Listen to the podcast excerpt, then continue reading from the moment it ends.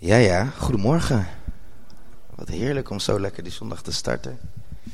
Voor iedereen die twijfelt, dit is, dit is wat we net ook deden, hoe Willem net ook die tijd nam. Dit is ook precies hoe. Als ik de Bijbel lees, dan, dan stel ik me voor dat de kerk er zo uitzag. Um, de kerk is een plek waar we dingen mogen uitdelen, waar we mogen ontvangen, uh, waar Gods woord wordt bekrachtigd. Uh, niet alleen door iemand die inderdaad wordt verteld over hoe, wat er allemaal in de Bijbel staat, maar dat we ook mogen zien en mogen ervaren wat God voor ons doet in ons leven. God wil niet dat we alleen maar weten wat het, wat het is in theorie. Hij wil dat we het meemaken. Amen? Yes. Ik ga het hebben over een, een, een, een onderwerp wat, uh, waarvan de Bijbel zegt dat we het niet horen te snappen. Vond ik wel interessant. Ja, ik denk ook. Oké. Handig. Gelukkig hoef ik dat niet zelf uit te leggen. Dat gaat de Heilige Geest doen. um, nee, dit is een onderwerp waarbij we soms nog wel eens het idee hebben dat we dat we al begrijpen hoe het in elkaar zit. Een onderwerp waar we, waar we al ons hele leven van hebben gehoord. En op een gegeven moment denken we, ik, ik snap het wel. En als we dan de Bijbel lezen, dan zegt de Bijbel eigenlijk nee. Je gaat het eigenlijk nooit snappen totdat je bij God zal zijn. Ik ga het vandaag hebben over liefde. Ik wil het hebben over Gods liefde.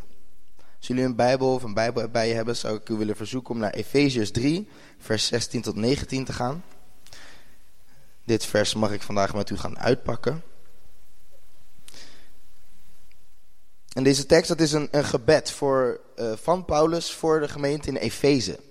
Ik vind het een van de mooiste gebeden die we in de Bijbel hebben staan. Ik vind het een prachtig gebed. Mag u even een geluidje maken als u er nog niet bent? dat is snel. In Efeze 3 vers 16 tot 19 staat... Mogen Hij vanuit zijn rijke luister uw innerlijke wezen kracht en sterkte schenken door zijn geest. Zodat, u door, zodat door uw geloof Christus kan gaan wonen in uw hart. En u geworteld en gegrondvest blijft in de liefde. Dan zult u met alle heiligen de lengte, de breedte, de hoogte en de diepte kunnen begrijpen ja, de liefde van Christus kennen, die alle kennis te boven gaat, opdat u zult volstromen met Gods volkomenheid. Amen. Goed, alles wat ik hierna zeg zal minder belangrijk zijn dan de paar woorden die ik net heb voorgelezen. Mijn woorden zijn niet beter dan die van Jezus of dan in de Bijbel. Dus als u dit nou gewoon mee naar huis neemt en daar goed op mediteert, dan zit het sowieso goed voor deze zondag. Maar gelukkig, gelukkig heb ik wat voorbereid. Um, hier in de tekst, in, deze korte tekst staat een heleboel. Um, en hij begint met, met, met iets ontzettend moois. Mogen hij vanuit zijn rijke luister. We mogen beseffen dat, dat God het, de rijkste is van alles en iedereen die we maar kunnen verzinnen. God is onze vader, hij is onze herder. En als we daar even bij stilstaan en beseffen dat er niets of niemand rijker is dan God. Dat alleen al zal mij een heleboel stress hebben geschild als ik, als ik daar wat langer op had gemediteerd. God is de rijkste die er bestaat. En hij is voor u, hij is voor mij. Wat geeft dat een rust? Als ik in de geldproblemen zou zitten en ik kom er ineens achter dat, dat Elon Musk of Jeff Bezos mijn, mijn vader zou zijn. En ik heb ineens een, een ongelooflijk grote erfenis van, van de rijkste mannen ter wereld. Dan zou ik me geen zorgen meer maken over mijn geldsituatie. Toch? Dat mogen wij ook zo zien met de vader van alle zielen, zoals de Bijbel dat beschrijft. Onze ziel mag volledig gevuld worden door Gods rijkdom. En in de rest van de tekst legt hij dus uit hoe en waarmee. Want hij wil dat we, zoals er staat, geworteld en gegrondvest blijven in de liefde. Voordat ik verder ga wil ik het kort hebben over de rol van de liefde die hier wordt beschreven. Um, ik vind het hier in deze tekst staat het heel mooi, maar ik heb twee andere teksten erbij gehaald om even uit te vouwen wat er precies staat. Wat is de rol van liefde? In Galaten 5 vers 6 staat dit. In Christus Jezus is het volkomen onbelangrijk of men wel of niet besneden is. Belangrijk is dat men gelooft en de liefde kent, die het geloof zijn kracht ontleent. hey, dat is interessant. Hier staat dus dat liefde hetgene is wat ons geloof kracht geeft. Liefde is als het ware de motor in ons geloof. Wanneer wij een geloof hebben zonder liefde, dan worden we dus niet aangezet om dingen te doen. Op diezelfde manier zien we, en daar ga ik het zo wat verder over hebben, dat Jezus een heleboel heeft gedaan in zijn leven hier op aarde vanuit liefde. Liefde voor ons was zijn drijfveer. En zo ook voor ons mogen we vanuit liefde betrokken zijn met de ander. Mogen we vanuit liefde uh, de ander willen helpen, de ander hoger willen achter dan onszelf. De motor is liefde. Het is heel belangrijk om te beseffen. Als het dus liefde is die ons geloof bekrachtigt, betekent dat dus dat hoe meer wij doorhebben dat we geliefd zijn, hoe meer wij gevuld zijn met liefde, hoe krachtiger ons geloof is. Dus vandaag is mijn doel ook om u te bekrachtigen. Simpelweg door gewoon te kijken naar de liefde van God. Het is hierbij heel belangrijk om ook te beseffen hoe die liefde in ons landt. Dat is namelijk niet iets wat we gewoon horen. Dat is niet wanneer we iets lezen of wanneer we iets begrijpen. Romeinen 5 vers 5 zegt heel duidelijk. Deze hoop zal niet worden beschaamd, omdat Gods liefde in ons hart is uitgegoten door de Heilige Geest die ons gegeven is. Dat bedoelde ik zojuist met, gelukkig hoef ik het u niet uit te leggen. Het is de Heilige Geest die het over ons uitgiet. Het is de Heilige Geest die dat in ons legt. Die een plekje vrijmaakt in je hart om die te vullen met Gods liefde. En daarmee mogen we ook beseffen, daarmee mogen we stilstaan en de Heilige Geest eren. Want dat, dat doet de Heilige Geest als keus. De Heilige Geest doet dat niet automatisch. Het is geen machine, hij is geen, geen, geen gedachteloos instrument. De Heilige Geest heeft, een, die heeft gedachten, die heeft emoties, die heeft verlangens. En de Heilige Geest verlangt ernaar om u die liefde te geven. De Heilige Geest is gewoon een persoon. Um, nog een belangrijk dingetje, als we het hebben over Gods liefde en het beseffen en gevuld worden door zijn liefde. In de tekst staat, dan zult u met alle heiligen de lengte, de breedte, de hoogte en de diepte kunnen begrijpen. Ja, de liefde van Christus kennen. Het is belangrijk en goed om te beseffen dat er heel expliciet wordt gezegd met alle heiligen. Dat betekent dat wij allemaal een uniek stukje ontvangen van Gods liefde die we mogen uitdelen. Datgene wat God mij openbaart over zijn liefde, dat is iets wat ik met u mag delen, maar dat is geen volkomen plaatje van zijn liefde. U heeft een ander stukje van die puzzel. Een stukje wat ik misschien niet heb ontvangen. En op die manier is er een, bepaalde eenheid nodig om met z'n allen te kunnen zien, oh dit is echt hoe goed die is. Het verhaal van Nargis is niet mijn verhaal. Uw verhaal is niet het verhaal van uw buurman. En elk verhaal laat iets anders, iets moois zien van die liefde van God. Het is als het ware een verdeelde openbaring die we met z'n allen mogen delen. Dus wat ik u vandaag meegeef, dat is wat God mij heeft gegeven. Maar ik wil u ook uitdagen om er zo meteen bij de koffie of als u er morgen nog iemand spreekt, ga erover in gesprek. Want er zullen een heleboel nieuwe dingen opkomen die ik misschien niet heb gezien. Die wel gedeeld moeten worden met z'n allen. Goed, wat ik nu met u wil gaan doen is voor kijken naar die vier dimensies die Paulus hier opschrijft. De lengte, de breedte, de hoogte en de diepte van Gods liefde. Wat dat precies inhoudt. Ik wil beginnen met de lengte. Hoe ver gaat Gods liefde voor ons? Zou je willen gaan naar Filippenzen 2 vers 6 tot en met 8?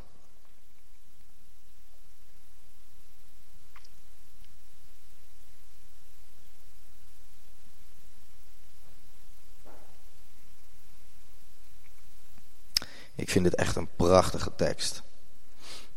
Daar staat, hij die de gestalte van God had, hield zijn gelijkheid aan God niet vast, maar deed er afstand van.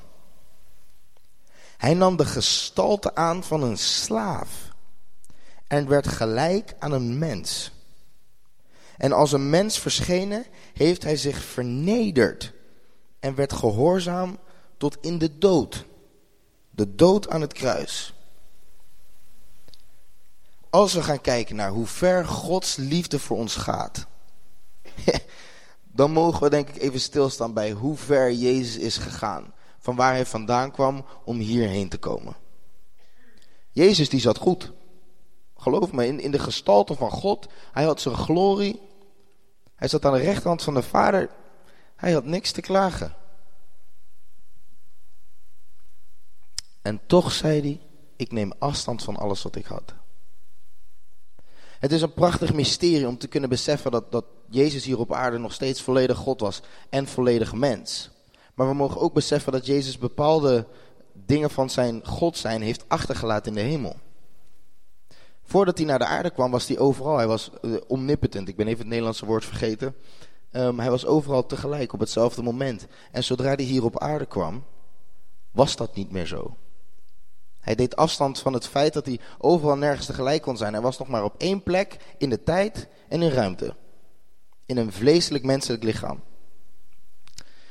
En wij weten met z'n allen dat een vleeselijke menselijk lichaam en leven hier op aarde is niet alleen maar halleluja en glorie.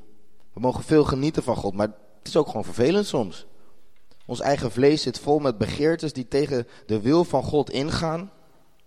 Ons vlees moet soms nog wennen überhaupt aan de glorie van God, aan, aan het bekijken van Gods goedheid.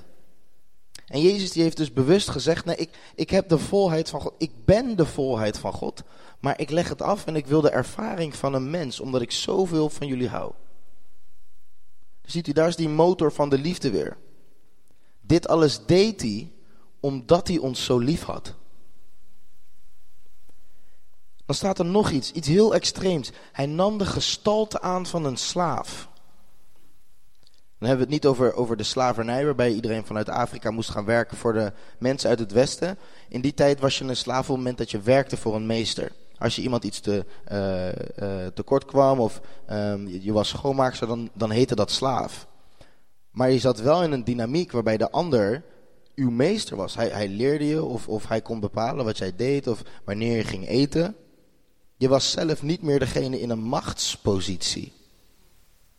Ziet u dat? Jezus, de man met alle macht, die gaat naar de laagste plek zonder enige macht. Weer omdat hij ons zo lief had. Waarom deed hij dat? We weten het allemaal voor het kruis. Hij heeft zich vernederd en werd gehoorzaam tot in de dood, de dood aan het kruis. Zijn liefde voor u was zo groot. Zijn liefde voor u was zo intens, zo allesomvattend, dat hij het beste wat er bestaat, de aanwezigheid van God zelf, de glorie en het licht van God zelf, achterliet, omdat hij dat met u wilde delen. Dat is liefde als je het mij vraagt. Het beste wat jij hebt, terwijl je het ervaart, achterlaten, zodat de ander er ook van kan genieten. Dat is hoe ver Gods liefde voor ons gaat. Ik ga verder naar de breedte. Ik wil u graag vragen om Efeziërs 3 vers 6 op te zoeken. De breedte van Gods liefde. In andere woorden, hoe God het tegen mij zei, hoeveel mensen betrek ik in mijn liefde?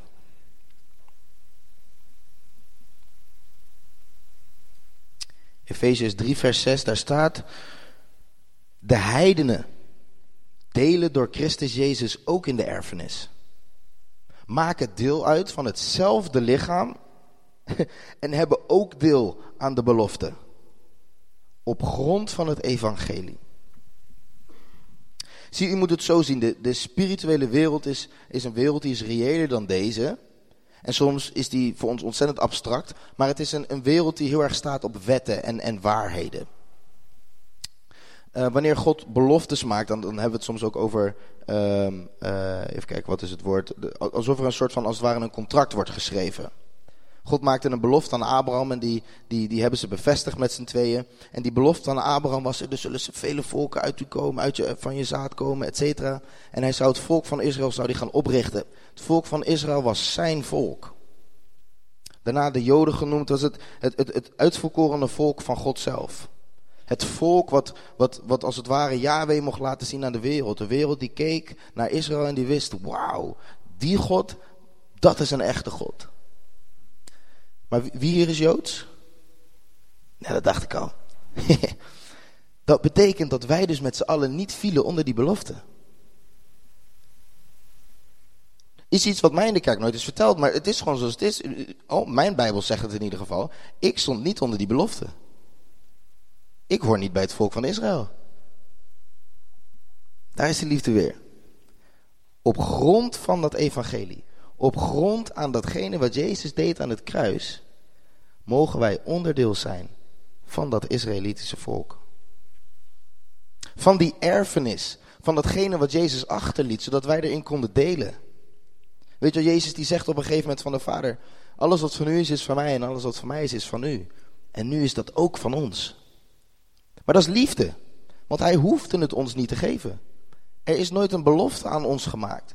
Die belofte was aan Abraham, aan Isaac, aan Jacob, aan het volk van Israël. Hij betrekt ons erbij. We maken nu deel uit van hetzelfde lichaam. Hij heeft ons nu ook die gaven en die talenten gegeven waarmee wij het lichaam van Christus mogen zijn voor de buitenwereld. En voor het lichaam van Christus zelf. Zie nogmaals, aan mij is nooit beloofd dat God dat zou doen. Dat, eh, wij, wij horen niet bij die belofte die God maakte. Hij heeft ons erbij gehaald op grond van het evangelie. Wij mogen nu ook genieten van al die beloftes. Als we het Oude Testament lezen, staan er ongelooflijk veel beloftes in. Elk Bijbelboek staat vol van beloftes. Die waren in eerste instantie nog niet allemaal naar ons toege, toegespiest. Maar nu wel. Door het kruis. Dat is liefde. Zie, en ik vond het ook wel gek om te beseffen dat, dat God dus niet, ik ga eens gevaarlijk zeggen, niet iedereen. En daarmee bedoel ik niet dat hij geen mensen redt. Maar God, er staat in Hebreeën staat heel duidelijk dat hij ervoor kiest om alle mensen te redden. Dat Jezus aan het kruis ging voor alle mensen. Hier de, de engelen bijvoorbeeld, staat ook in de Bijbel, dat die zich afvragen, wat doet u God dat u zoveel geeft om al die mensen? Dus de engelen die staan voor het aangezicht van God. We, we lezen allemaal over engelen. Het lijkt me echt glorieus om ze te zien. Engelen zijn hele bijzondere wezens. Maar wanneer engelen vallen, zegt Jezus, ja, dat, dat, is hun verantwoordelijkheid. Waarom dan niet die van ons? Nou, God is, is, is, is rechtvaardig. Dat is zijn karakter, dat is wie hij is. Engelen, die staan al in de aanwezigheid van God. Die weten alles over God wat er te weten valt, want ze zijn bij hem. Wij niet. Wanneer een engel zegt van nee, ik heb het gezien, de, ik hoef dat niet, ik wil het zelf. Of, en ze worden een gevallen engel. Dan zegt God, ja, er is niks meer wat ik jou kan geven wat je nog niet hebt gehad. Er is niet iets wat ik nu tegen jou kan zeggen waardoor je denkt, oh snap, dat was ik vergeten, u bent wel goed. Oké, nee, dan wil ik wel terug. Zo werkt dat niet. Van een engel is het zijn eigen verantwoordelijkheid. Maar God weet dat wij in ons lichaam belemmerd zijn. Ons kennen is belemmerd, is gelimiteerd. God weet dat hij zijn, zijn goedheid aan ons moet openbaren. Zijn liefde is iets wat de Heilige Geest in ons uitgiet. Wij worden niet geboren en zien in één keer hoe goed, hoe goed God is. Dat is iets waar we achter komen. En daarom zegt hij, nee, ik kom wel naar jullie toe, maar die engelen, dat is hun verantwoordelijkheid. Soms is het ook goed om te beseffen dat God dus ook wel eens nee zegt. Daar waar het iemand anders verantwoordelijkheid is, is het hun verantwoordelijkheid. En bij ons is hij dus zo goed om te zien dat we gelimiteerd zijn. Hij respecteert onze keus, maar hij wil ons toch al die goedheid laten zien hier op aarde. Dat is liefde. Nog een stukje over de breedte van Gods liefde. Jezus die komt terug, amen. Ik denk dat hij zich ontzettend verheugt om terug te komen. Om iedereen op te halen en met z'n allen in de hemel een feestje te vieren. Ik denk echt dat hij er zich ontzettend op verheugt. Wie, wie is dat met me eens? Wie denkt ook dat... Exact. Maar hij heeft geduld, zeg. Oh. Hij is er nog steeds niet. Hij is nog niet gekomen. Kan elk moment gebeuren, maar hij wacht. Waar wacht hij op?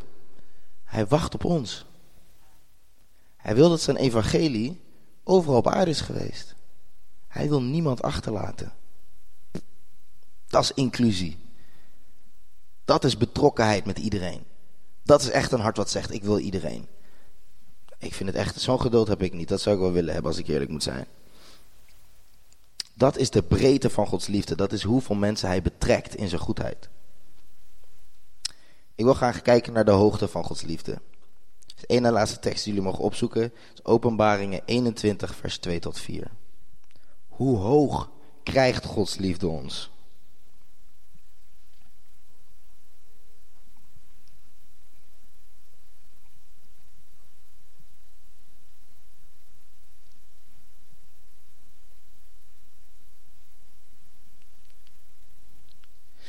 Deze tekst zit, Johannes zit in, in geestvervoering. Zijn geest die komt op hemelse plekken. En, en God die geeft hem visioenen, die laat hem dingen zien. En hier in openbaring 21 ziet hij het nieuwe Jeruzalem. Hier staat in de tekst, toen zag ik de heilige stad, het nieuwe Jeruzalem, uit de hemel neerdalen bij God vandaan. Ze was als een bruid die zich mooi had gemaakt voor haar man en hem opwacht. Ik hoorde een luide stem vanaf de troon die uitriep: Gods woonplaats is onder de mensen. Hij zal bij hen wonen. Ze zullen zijn volken zijn en God zelf zal als hun God bij hen zijn. Hij zal alle tranen uit hun ogen wissen. Er zal geen dood meer zijn, geen rouw, geen jammerklacht, geen pijn. Want wat eerst was, is voorbij. Wauw.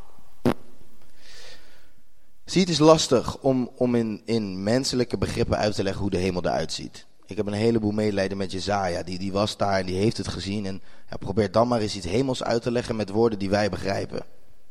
Hij heeft het geprobeerd met robijnen en dingen, et cetera. Maar ik vind het heel mooi hoe dit wordt beschreven. Hier, hier staat geen fysieke beschrijving. Hier staat een, een, een beschrijving van hoe het is, van wat we, wat we kunnen verwachten.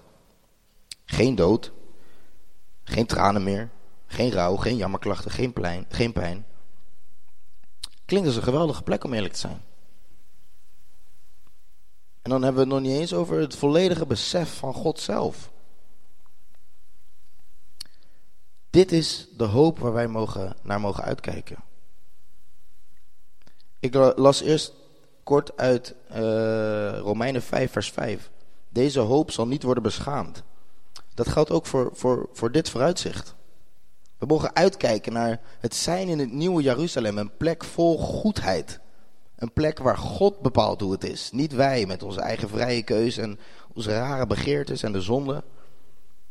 Een plek zonder dood, zonder rouw, geen jammerklacht, geen pijn. Want wat was, dat is voorbij. En het mooie is dat Jezus deze privileges ook nu al voor ons beschikbaar maakt. Genezing en heling en, en volledige blijdschap is niet iets waar we op moeten wachten totdat we bij God zijn. Want God is naar ons toegekomen. Ik heb nog nooit een uitnodiging gehad voor een feestje dat er in de uitnodiging zelf ook al een feestje zat. Ik heb wel eens zo'n kaart gekregen die dan open doet en dan komt er zo'n liedje uit en dan is het, nou wat leuk. Dit is als het ware een ticket, maar het ticket is al de bestemming. Jezus die nodigt ons uit voor later, maar we mogen er nu al van genieten. We hoeven niet te wachten. De hemel is hier gekomen, zoals Jezus zegt. Het onderwerp waar Jezus het meest over heeft gepraat hier, is het komst van zijn koninkrijk. Die is hier. En we hebben een volledige zekerheid dat dat is hoe wij onze toekomst mogen spenderen voor de eeuwigheid. Mensen, onze tijd hier is niks in vergelijking met de eeuwigheid. Hier gaan we het nog moeilijk hebben. We gaan nog door lastige situaties heen. Maar ons vooruitzicht, de hoop op ons vooruitzicht, als we dat diep in ons hart beseffen, dan is dat een blijdschap die volkomen is, zoals Jezus dat zegt. Een blijdschap die ons bekrachtigt om door de dingen heen te gaan die we nu meemaken. De allerlaatste, daarna ook mijn mond. De diepte van Gods liefde. Hoe diep wil Gods liefde gaan in ons?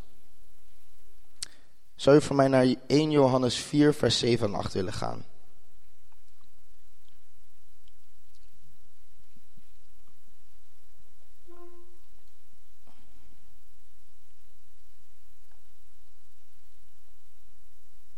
In Johannes 4, vers 7 en 8.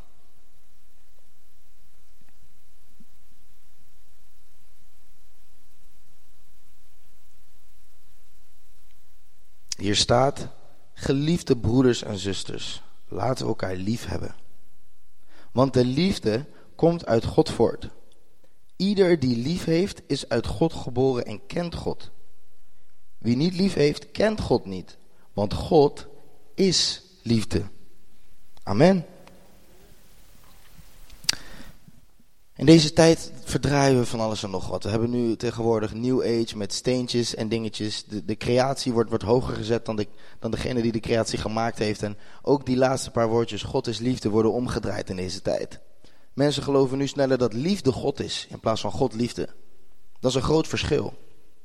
Wanneer de wereld zegt liefde is God, dan bedoelen ze dat gevoel van liefhebben, dat is mijn God. Als ik het idee heb dat dit liefde is, dan is dat zo. Dan is dat de God. Dat mag bepalen wat ik doe of wie ik ben. En hier staat het andersom. God is liefde. Het is dus niet iets dat liefde iets zegt, of dat, dat God iets zegt over liefde. Liefde zegt iets over God. God zelf bepaalt wat die liefde is, maar het bepaalt ook wie God is. Het is een fundamenteel onderwerp, onderdeel van zijn karakter. Als je liefde uit God haalt, is het God niet meer.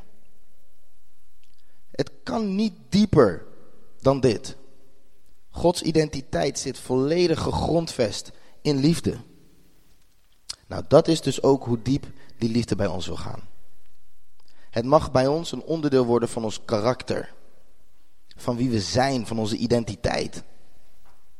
God wil dat, dat liefde gaat bepalen wie wij zijn, wat je doet, wat je van dingen vindt. Zijn liefde gaat dieper dan alles wat er is. Als ik terug ga naar onze grondtekst, Efesiërs 3 vers 16, dan staat daar... Ehm, zodat door uw geloof Christus kan gaan wonen in uw hart en u geworteld en gegrondvest blijft in de liefde. Geworteld en gegrondvest. Dat u stevig zult staan in de liefde van God. Fundamenteler dan dit kan het niet. Wat betekent dat praktisch? Dat betekent transformatie voor onze persoon, voor wie we zijn. Het betekent fysieke en mentale genezing. Het betekent bekrachtiging. Het betekent dat Gods volheid ons heel maakt. Dat is ook wat Paulus bidt in die tekst. Opdat u zult volstromen met Gods volkomenheid. Ik wil u nog een kort voorbeeld geven en daarna wil ik hem afsluiten. Paulus vind ik zo'n geweldig voorbeeld. Ik weet niet of we beseffen hoe de oude Paulus Saulus nou precies was. Ik moest pas denken aan een vergelijking, die is wel heftig. Maar ik denk dat Paulus vroeger eigenlijk een soort van Hitler was van die tijd. Hij had haat voor een volk en hij probeerde het uit te roeien. Klinkt best bekend. Hitler had nu een heleboel meer middelen waarmee hij de Joden kon uitroeien. Verschrikkelijk. Maar Saulus deed hetzelfde. Die had gewoon een stuk minder middelen en een stuk minder macht dan, dan Hitler nu had. Ze hadden hetzelfde doel. Zou u het zich kunnen voorstellen? Dat Hitler uiteindelijk een leider zou zijn van de Joden. Daar wil ik even bij. Blijf er even bij stil. Ik kan het me niet voorstellen. Dat Hitler een leider zou zijn geworden van de Joden. Dat is een in mijn hoofd bijna te grote transformatie. En toch is het werkelijkheid. Sterker nog, Paulus was niet gewoon een leider voor de christenen. We hadden het over, over het feit dat wij nu ook deel zijn van die belofte. Er moest iemand zijn die dat voor het eerst ging vertellen. Dat was Paulus. Kunt u zich dat voorstellen? Deze Paulus, die zoveel mogelijk christenen wilde dood hebben, heeft zo'n transformatie meegemaakt dat hij datzelfde verhaal wat hij van de aarde wilde hebben, begon te verkondigen aan de mensen die het hiervoor nog nooit hadden gehoord. Daar moet een heleboel liefde bij komen kijken. Hij ging van pure haat naar pure liefde. Dit gebed wat ik net heb voorgelezen, wat hij bidt over de lengte en de diepte en de hoogte en de breedte.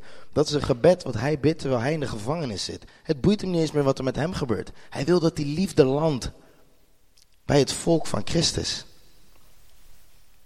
Dat is transformatie. Als je het mij vraagt, is dat ook innerlijke genezing. Is dat een ongelofelijke, bekrachtiging. Dan zit je echt vol van God. En misschien zijn wij niet met z'n allen uh, vroeger bezig geweest met het uitroeien van de christenen. Maar God wil ons wel nog steeds fundamenteel veranderen.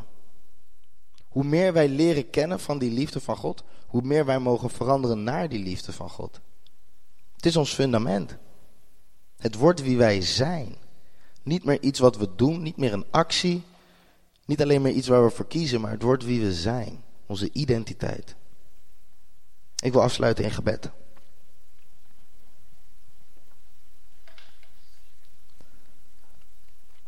Lieve Vader in de hemel. Goh, als wij beginnen te beseffen hoe goed en hoe liefdevol u bent, kunnen we eigenlijk niks anders dan u bedanken. Dank u wel, Jezus, dat u van uw troon bent afgestapt om bij ons te komen. Om ons uit te nodigen voor het beste feestje wat er ooit is geweest. Wat er ooit zal zijn. Dank u wel dat u die glorie van God niet alleen wilde ervaren, maar dat u ons wilde meenemen. Dat u niemand wilt achterlaten. Dat u iedereen mee wilt hebben naar boven. Dank u wel, Vader, dat u zo diep gaat in ons. Dat u ons fundamenteel wil veranderen. Vader, door middel van uw Heilige Geest wil ik u vragen om deze gemeente op te richten. om een gesprek te starten wat nooit zal stoppen over de liefde van God. Dat er in eenheid mag gestaard worden naar degene die God is, naar wie u bent. Dat uw woord als het ware uitgevouwd mag worden door de Heilige Geest. En dat u iedereen een apart en prachtig stukje geeft van uw liefde. Vader, ik bid voor deze bekrachtiging. Zodat ook wij, net als Paulus, de liefde van God mogen proclameren aan iedereen die het horen moet. Want iedereen hoort daarbij. Dank u wel dat wij uw liefde mogen begrijpen. Een liefde die ons verstand te boven gaat. In Jezus' naam. Amen.